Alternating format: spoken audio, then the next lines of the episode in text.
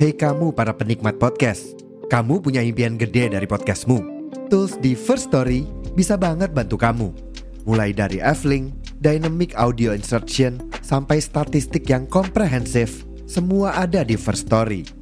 Gak ketinggalan, kamu bisa monetisasi podcastmu lewat iklan dari First Story Ads yang bisa kasih kamu penghasilan dari setiap place podcastmu. Yuk gabung sekarang dengan klik di firststory.me. Sekali lagi, di firststory.me.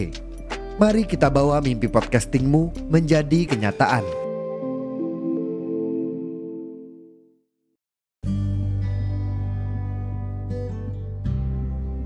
Halo teman-teman listener podcast Maskur, kembali lagi bersama kami, saya Ryan Alif, dan tentunya dengan gue star kita pada hari ini. Hai, aku Vita. Halo Vita. Ya, halo Kak. Nah teman-teman listener podcast Maskur, uh, pada episode hari ini kita akan bahas tentang pahlawan. Nah besok kan kita hari pahlawan ya Vita ya, 10 November kan? Ya, benar memperingati Hari Pahlawan tepatnya pada tanggal 10 November dan besok banget gitu Kak. Iya, nah tentunya di episode hari ini uh, kita akan ngobrol tentang ya pahlawan kayak mengenang apa ya kayak uh, perjuangan pahlawan uh, waktu Mengenang dulu. jasa. Iya betul banget menang- mengenang jasa pahlawan uh, yang dulu udah memperjuangkan kemerdekaan negara Republik Indonesia ini ya Vita ya. Nah, betul sekali Kak. Nah, Vita, aku mau tanya nih, eh, kan menurut Vita sendiri nih, untuk pahlawan, menurut Vita itu seperti apa sih? Baik, menurut aku ya Kak nih, seorang pahlawan dan sesosok pahlawan itu kalau kita kenal dari dulu itu orang yang menonjol karena keberanian Hmm, dan pengorbanannya dalam membela kebenaran. Itu kita tahu dari dulu. Nah, tapi realitanya sekarang itu kan pahlawan adalah orang yang mendedikasikan hidupnya untuk membantu dan melayani orang lain dalam tanda kutip itu tanpa pamrih. Nah, tapi kan kayak anak-anak sekarang itu mengenal pahlawan kayak hero di film-film. Oh, hero itu pahlawan. Iya betul. Tapi sebenarnya itu pahlawan itu berada di posisi malaikat Hmm, tapi tidak hitam juga nggak putih, nggak selalu benar dan nggak selalu salah. Karena saat ini itu semisal pemimpin memberontak ya kak, tapi Iya. bagi kaumnya itu dia adalah pahlawan, ya nggak sih? Menurut Iya, kakak betul. ya seperti itu kan? Iya betul Nah, banget. jadi sebenarnya itu samar pahlawan itu jalan ke yang benar. Itu bagi aku sendiri. Mungkin orang lain mengira yang pahlawan itu kalau untuk kaum yang salah itu menurut dia pahlawan, tapi kalau menurut aku enggak gitu. Seperti itu Kak. Kalau menurut Kak Rehan gimana sih sosok pahlawan itu gambaran singkatnya? Eh, kalau menurut aku ya, eh, menurut aku itu pahlawan itu eh, seseorang yang dia itu tuh mengorbankan eh, seluruh jiwanya ya tanpa pamrih. Jadi ikhlas dia eh, rela berkorban dan tentunya juga eh, gimana sih dia ingin memperjuangkan eh, suatu negaranya atau bahkan tempat dia lahir itu eh, tentunya menjadi suatu tempat yang damai dan eh, terhindar dari maksudnya mencegah dari adanya hal-hal yang eh, merusak eh, di lingkungannya itu. Seperti itu sih kalau dari aku. Singkatan eh, dari pahlawan. Dan tentunya pahlawan itu pastinya melindungi. Ya kan? Dia pasti kayak garda ke depan gitu loh.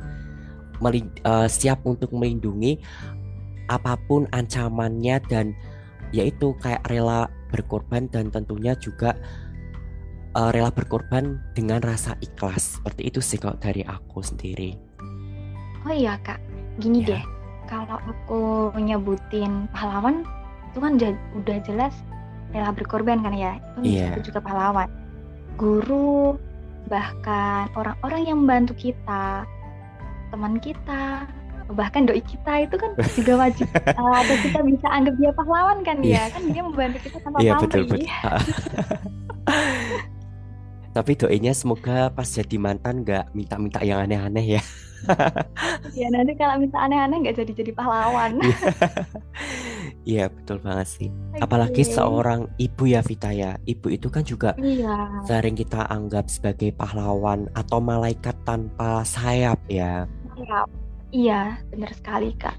Gak ada ibu kita nggak ada di dunia ini. Dan Iya. mungkin kita nggak bisa ngobrol tentang podcast Hari Pahlawan. Ya betul banget ya. Jadi uh, kesimpulannya pahlawan itu seperti apa? Itu pahlawan itu tidak harus uh, maksudnya kita bisa mendefinisikan berbagai macam bentuknya ya. Gambarnya tergantung dari setiap persepsi individu itu. Jadi mungkin ada yang kalau anak kecil nganggap ya pahlawan kayak Batman, Superman. Mungkin kalau kita ya pahlawan itu bisa seperti ibu kita, seperti atau guru kita atau ya pahlawan-pahlawan seperti uh, Raden Ayu Kart, uh, Raden Roro Kartini, kemudian uh, pahlawan uh, apa yang itu aduh ad, pokoknya banyak lah aku lupa pokoknya pahlawan-pahlawan Indonesia Banyak yang zaman dulu ada itu ya iya Rajiman, ya. Betul banget nih nah jadi teman-teman listener uh, udah tahu kan apa itu pahlawan ya semua nanti tergantung dari teman-teman listener mendeskripsikan uh, pahlawan itu seperti apa nah Oke Vita, aku mau tanya juga nih kan kita tadi udah ngobrol uh, definisi pahlawan ya menurut kita uh, seperti apa ya. Iya. Nah, tapi kalau menurut Vita nih, sosok seorang pahlawan bisa dikatakan dia itu pahlawan itu kalau menurut Vita itu seperti apa sih? Apakah dia harus kuat? Apakah dia harus pemberani? Apakah dia harus punya kekuatan super seperti Spider-Man, seperti Avenger lainnya? Atau bagaimana? Oke, ini dari sudut pandang aku ya kak ya. Nah, jadi kalau menurut sudut pandang aku, bisa ngatain kalau orang itu adalah pahlawan karena orang itu udah berjasa kepada kita dengan kriteria. Kalau menurut aku itu yang pertama udah rela berkorban, berani udah nomor satu itu.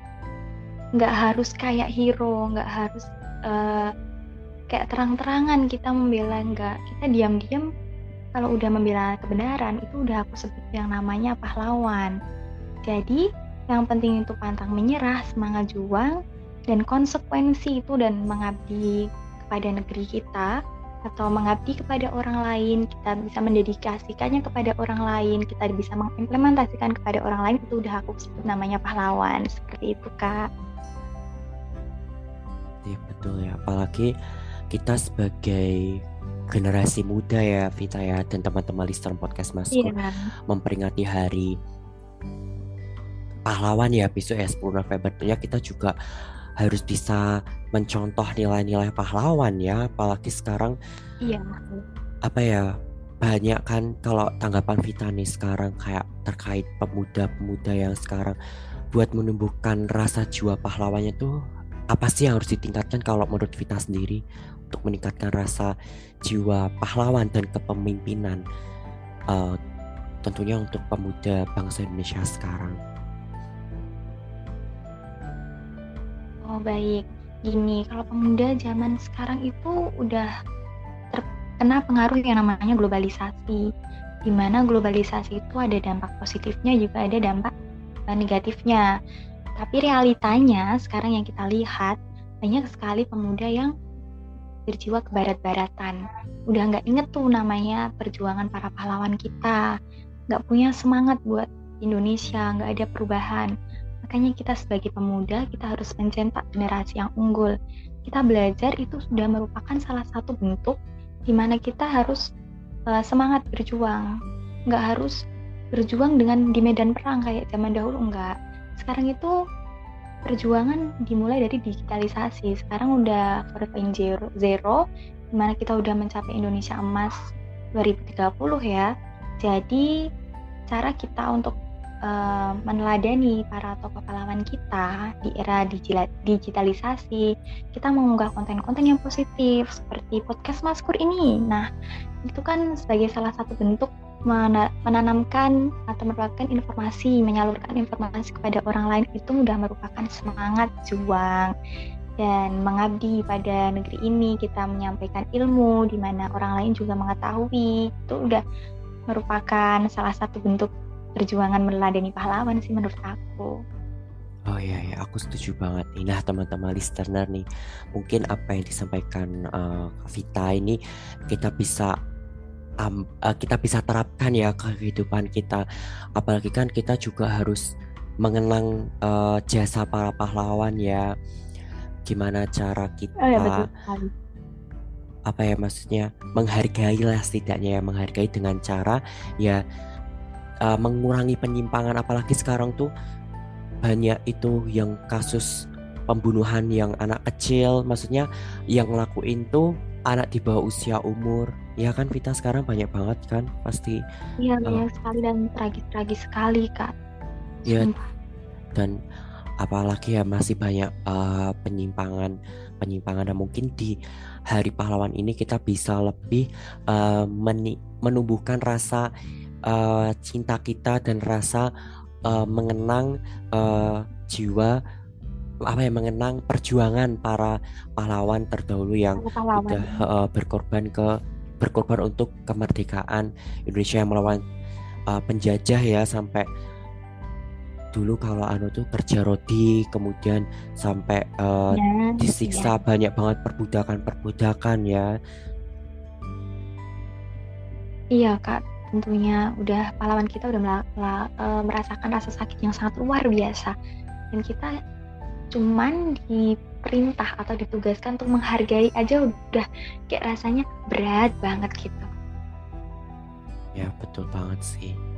Nah mungkin kalau apa ya dari aku sendiri ya Fit kalau uh, aku ya kadang bilang seorang itu pahlawan itu sebenarnya juga udah hampir uh, semua udah dikatain sama kamu sih maksudnya kayak melindungi berani. Jadi memang ketika kita mau jadi apa ya uh, seorang pahlawan itu kita juga harus punya rasa berani ya. Karena kalau kita belum punya rasa berani juga mau menghadapi sesuatu tantangan atau ancaman tuh juga pasti gimana gitu iya kan Ya betul sekali Kak Rihan.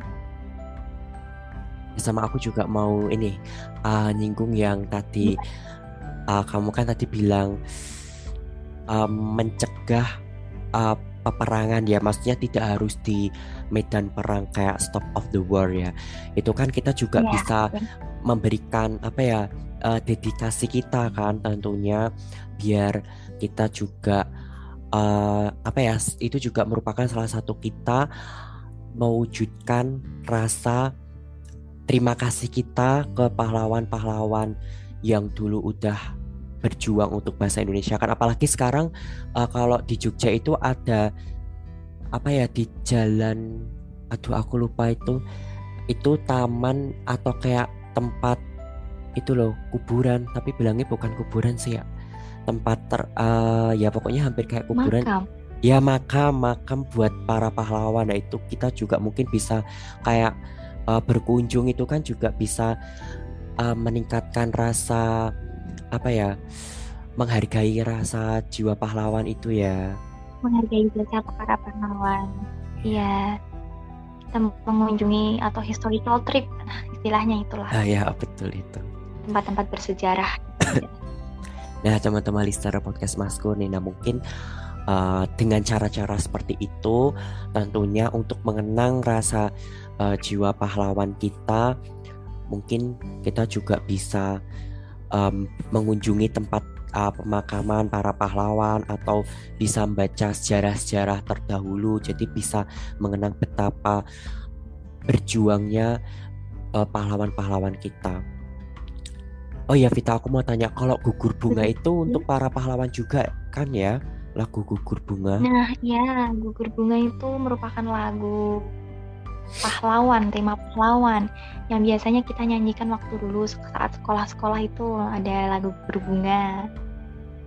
Nah tuh benar nih. Jadi kalau pas banyak aku pernah dengar juga sih waktu itu kan SMA po ya itu guruku pernah ya. bilang kalau sebenarnya tuh di setiap lagu itu tuh kita tuh ada bacaannya su eh bacaannya sih kayak bacaan doa.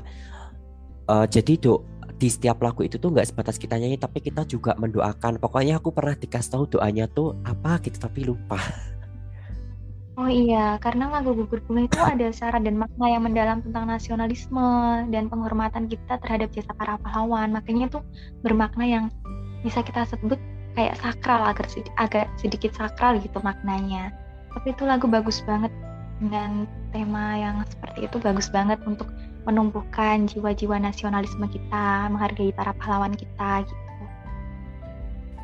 Ya, betul sih.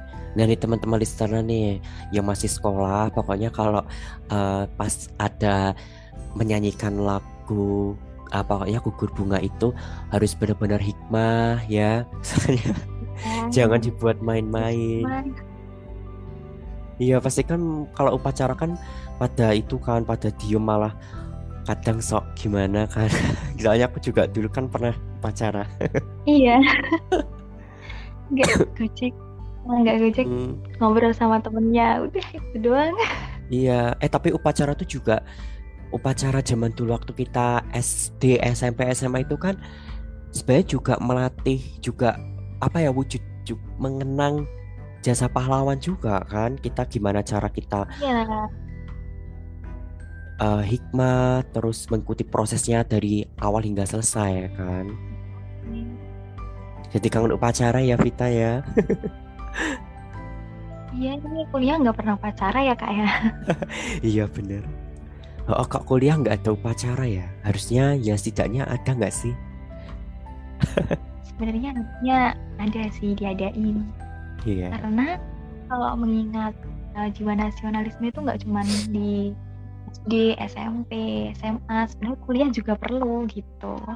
Tapi mungkin kita udah dianggap udah ngerti, kita udah bisa menerapkan sendiri, makanya uh, karena SD, SMP, SMA udah dilatih, ya mungkin kuliah udah tahu gitu yes, gimana yeah. caranya kita menghormati selain upacara. Iya betul betul. Ya semoga uh, dari kita 12 tahun upacara tuh apa ya ada yang membekas lah jadi biar kita setelah apa ya maksudnya kan kita udah nggak pernah upacara ya. Semoga iya. nilai-nilai dari upacara yang kita lakukan itu masih kita terapkan ke kehidupan kita sehari-hari. Ya kan Vita ya? Iya betul Kak Raihan. Betul sekali.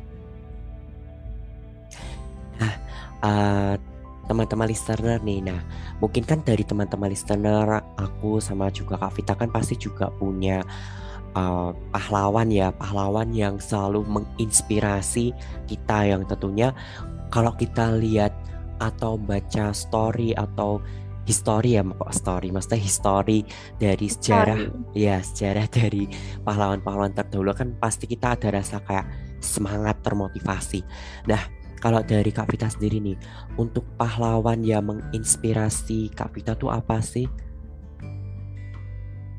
Oke, pahlawan yang menginspirasi aku.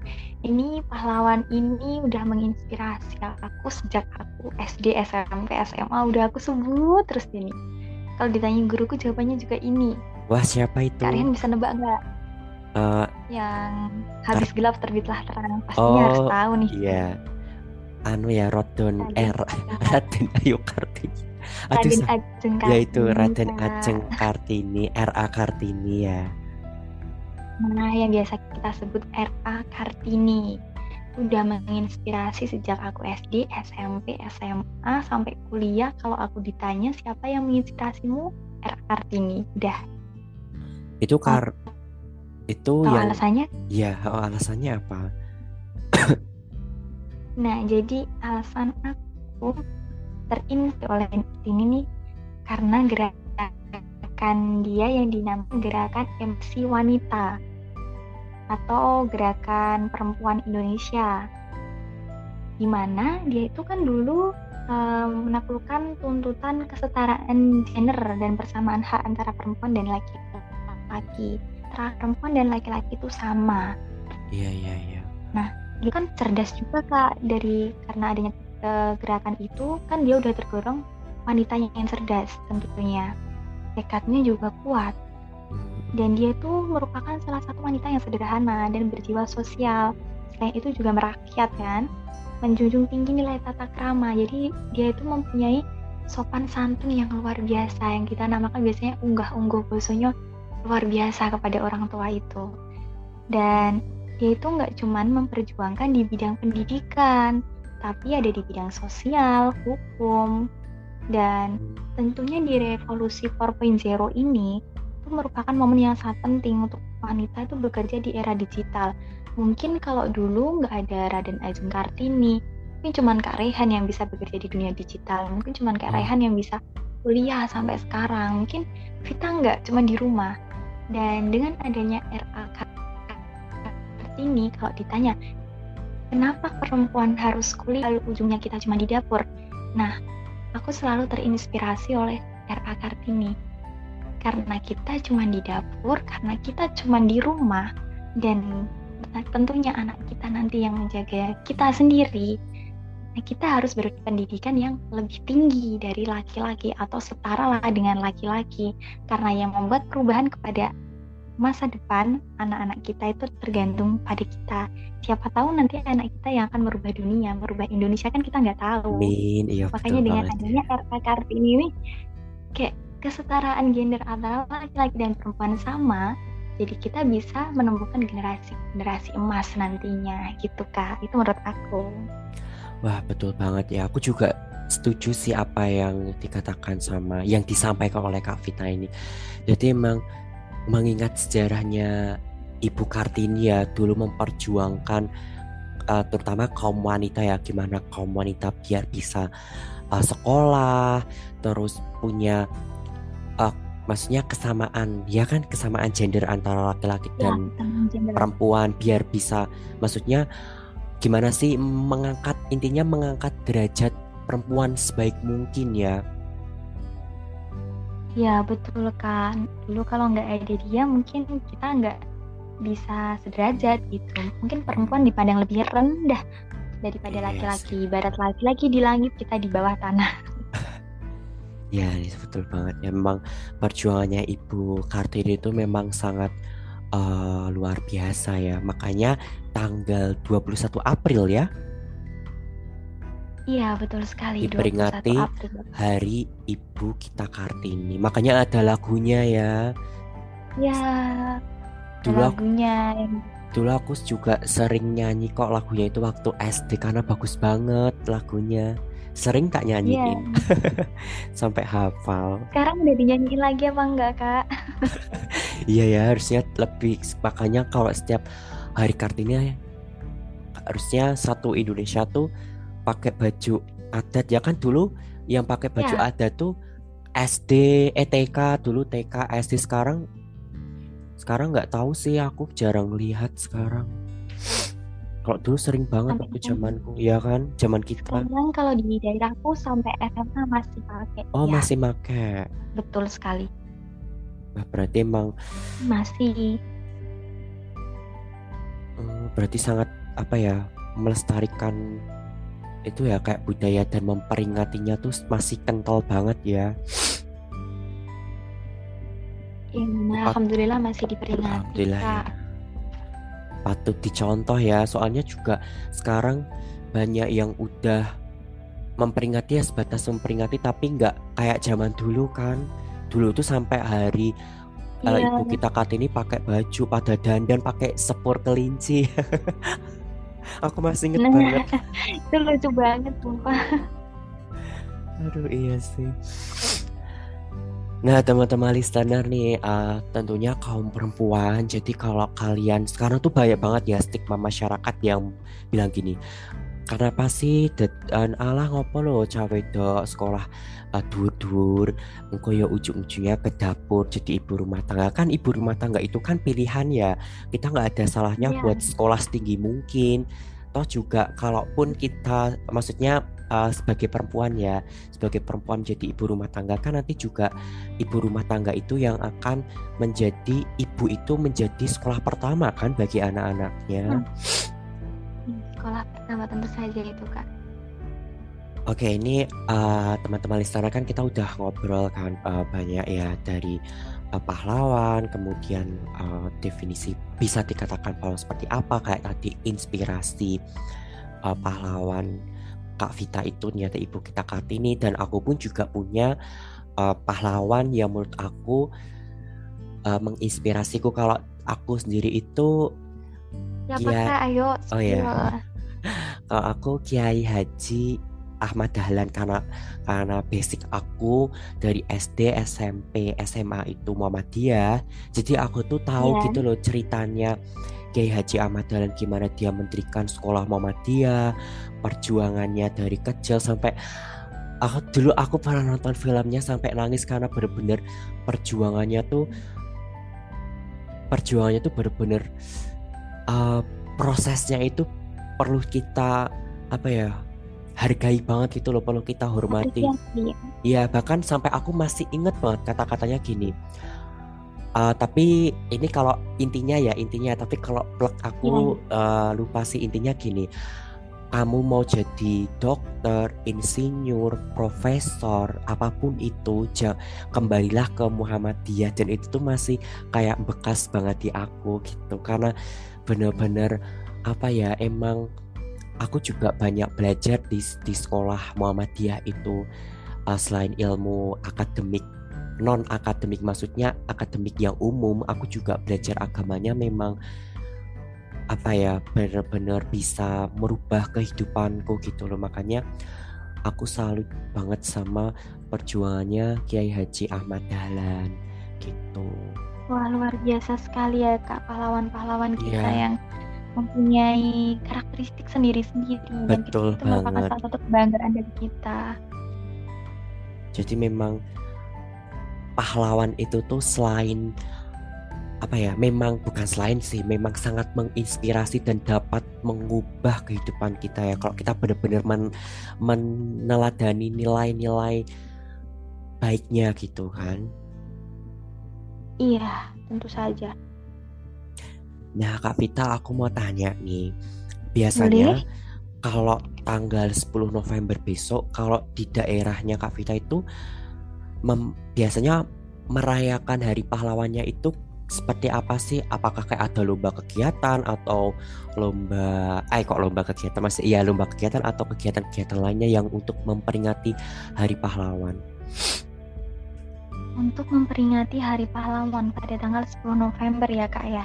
Yeah. Itu biasanya kalau di daerahku sekolah-sekolah dari SD, SMP, SMA bahkan PAUD itu nggak merayakan besar sebenarnya kalau di hari pahlawan itu mereka cukup mengenangnya dengan menggunakan pakaian adat mungkin sebagian sekolah ya kak nggak semuanya oh. sekolah sayangnya pahlawan sosok yang uh, bersejarah dan itu merupakan hal yang penting. Tapi kenapa cuman dirayakan dengan sebatas itu gitu? Nggak serame kayak 17 Agustus. Padahal pada tanggal 10 November itu terjadi pertempuran yang sangat dahsyat untuk perjuangan Indonesia. Tapi sayangnya ya cuman itu. Bahkan sekarang pun nggak terlalu rame yang merayakan pada tanggal 10 November mungkin cuma diadakan upacara. Yang nggak cuman sih kak. Tapi menurutku sih kurang. Kita perlu uh, lebih gitu.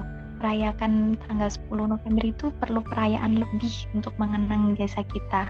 Oh. mungkin kalau aku sendiri sih dengan cara gini. Kalau menurut aku ya kita bekerja sama dengan uh, di daerah masing-masing. Kita melakukan historical trip kita berkunjung ke makam-makam pahlawan. Jadi nggak cuma upacara, tapi di situ kita juga merayakannya dengan berkunjung ke tempat-tempat bersejarah. Karena pada dasarnya pemuda sekarang itu udah lupa akan sejarah, lupa kalau pahlawan itu yang mereka kenal cuma yang mereka pelajari di LKS kadang itu cuman Ir Soekarno. Ya tahu. Itu Presiden Republik Indonesia pertama. Muhammad Hatta mungkin itu wakilnya. Dr. Rajiman itu pemendiri PPUPKI bahkan Ahmad Subarjo bahkan Fatmawati. Cuman itu yang mereka tahu. Padahal faktanya itu yang aku tahu di daerah kita masing-masing itu udah ada pahlawan gitu yang nggak banyak orang tahu. Misal di daerah aku itu di daerah Wonogiri ada Raden Raden Mata Hati. Dan itu nggak semuanya tahu. Padahal padahal makamnya juga ada gitu. Tapi kenapa yang mengunjungi cuma sedikit? Bahkan mau mengadakan event historical trip aja nggak semuanya pada tertarik gitu. Kurangnya tertarik antar uh, antara orang yang dengan aspek sejarah gitu. Kayaknya perlu diadakan pengetahuannya lebih sama gimana cara membuat pemuda sekarang itu tertarik untuk bersejarah gitu menurut aku Karya. Wah iya ya betul banget ya aku juga setuju nih apa yang dikatakan Kak Prita.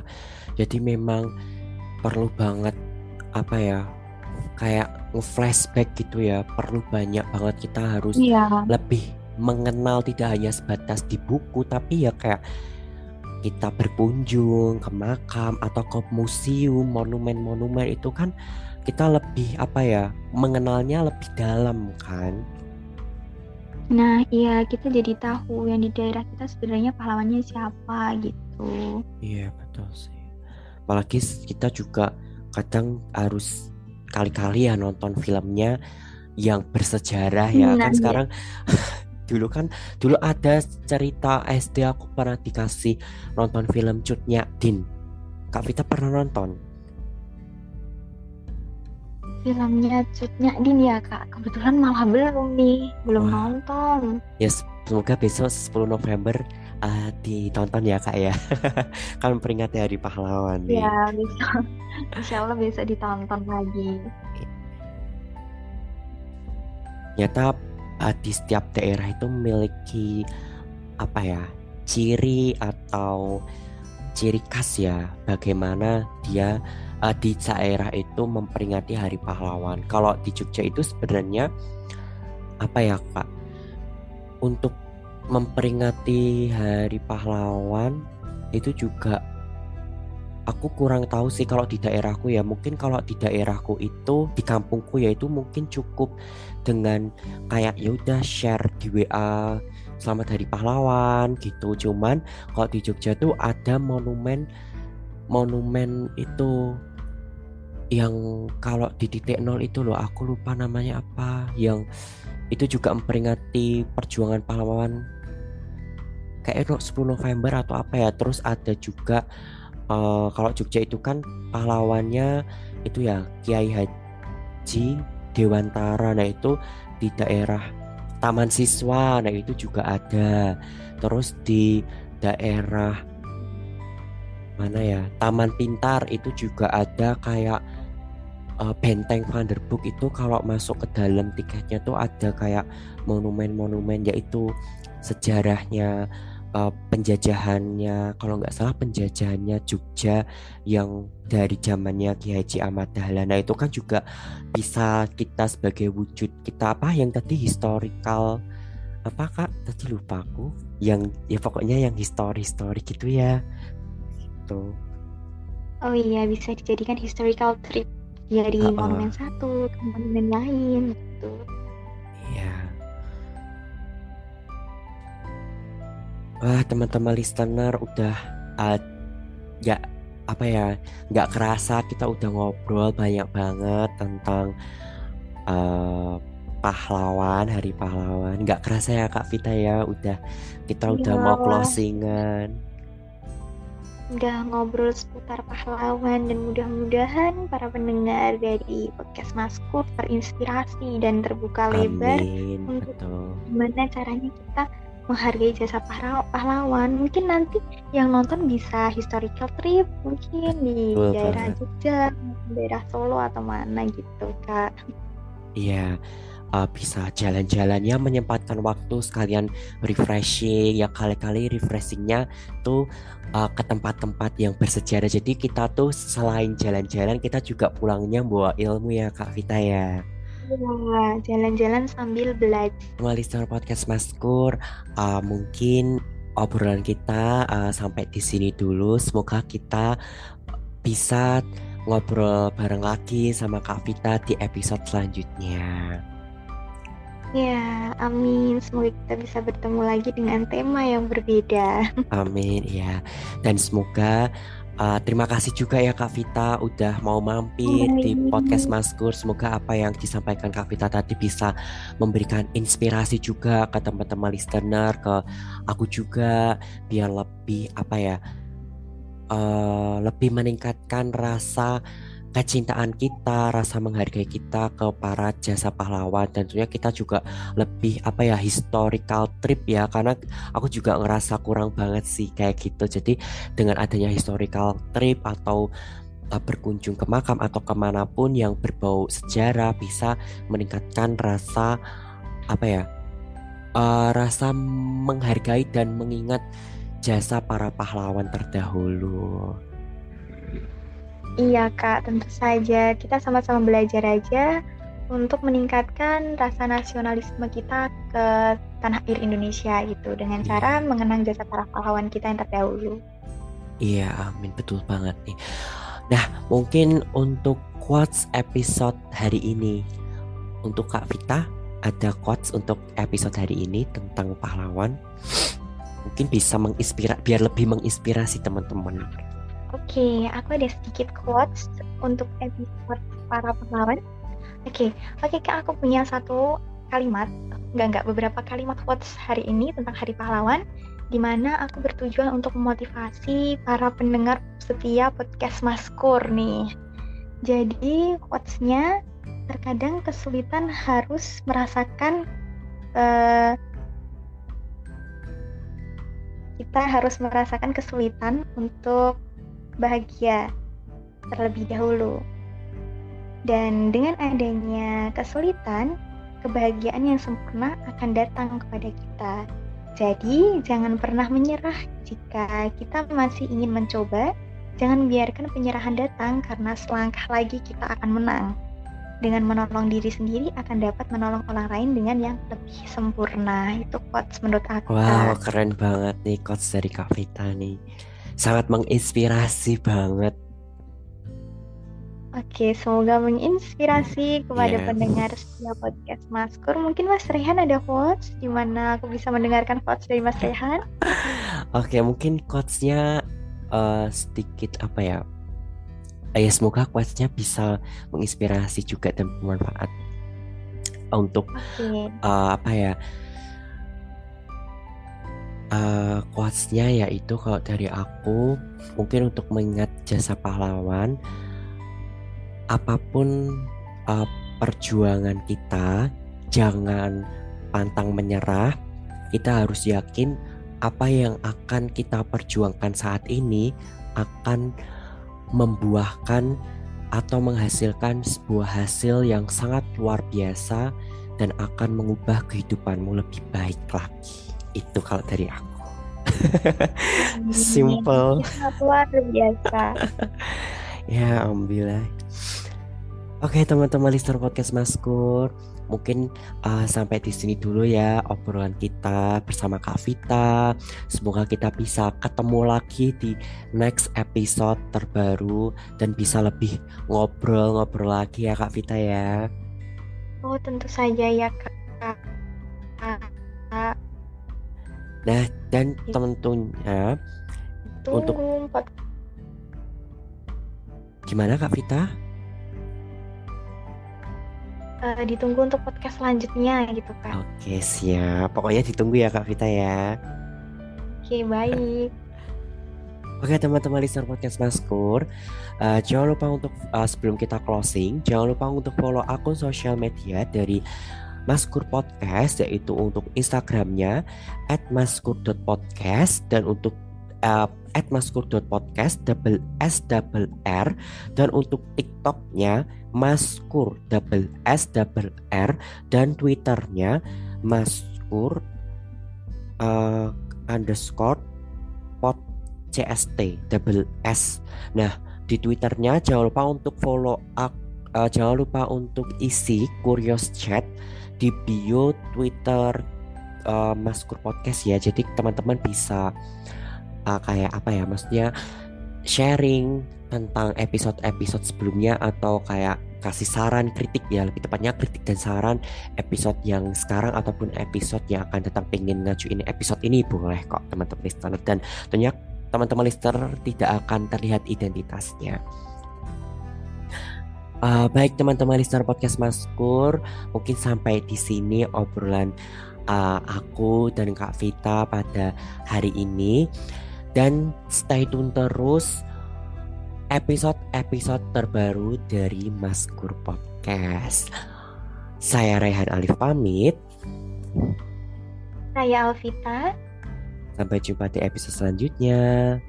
See you. See you. Thank you Kak Rehan. Sukses sama selalu ya. Amin. Sama-sama Kak Vita. Kak Vita juga ya. Amin.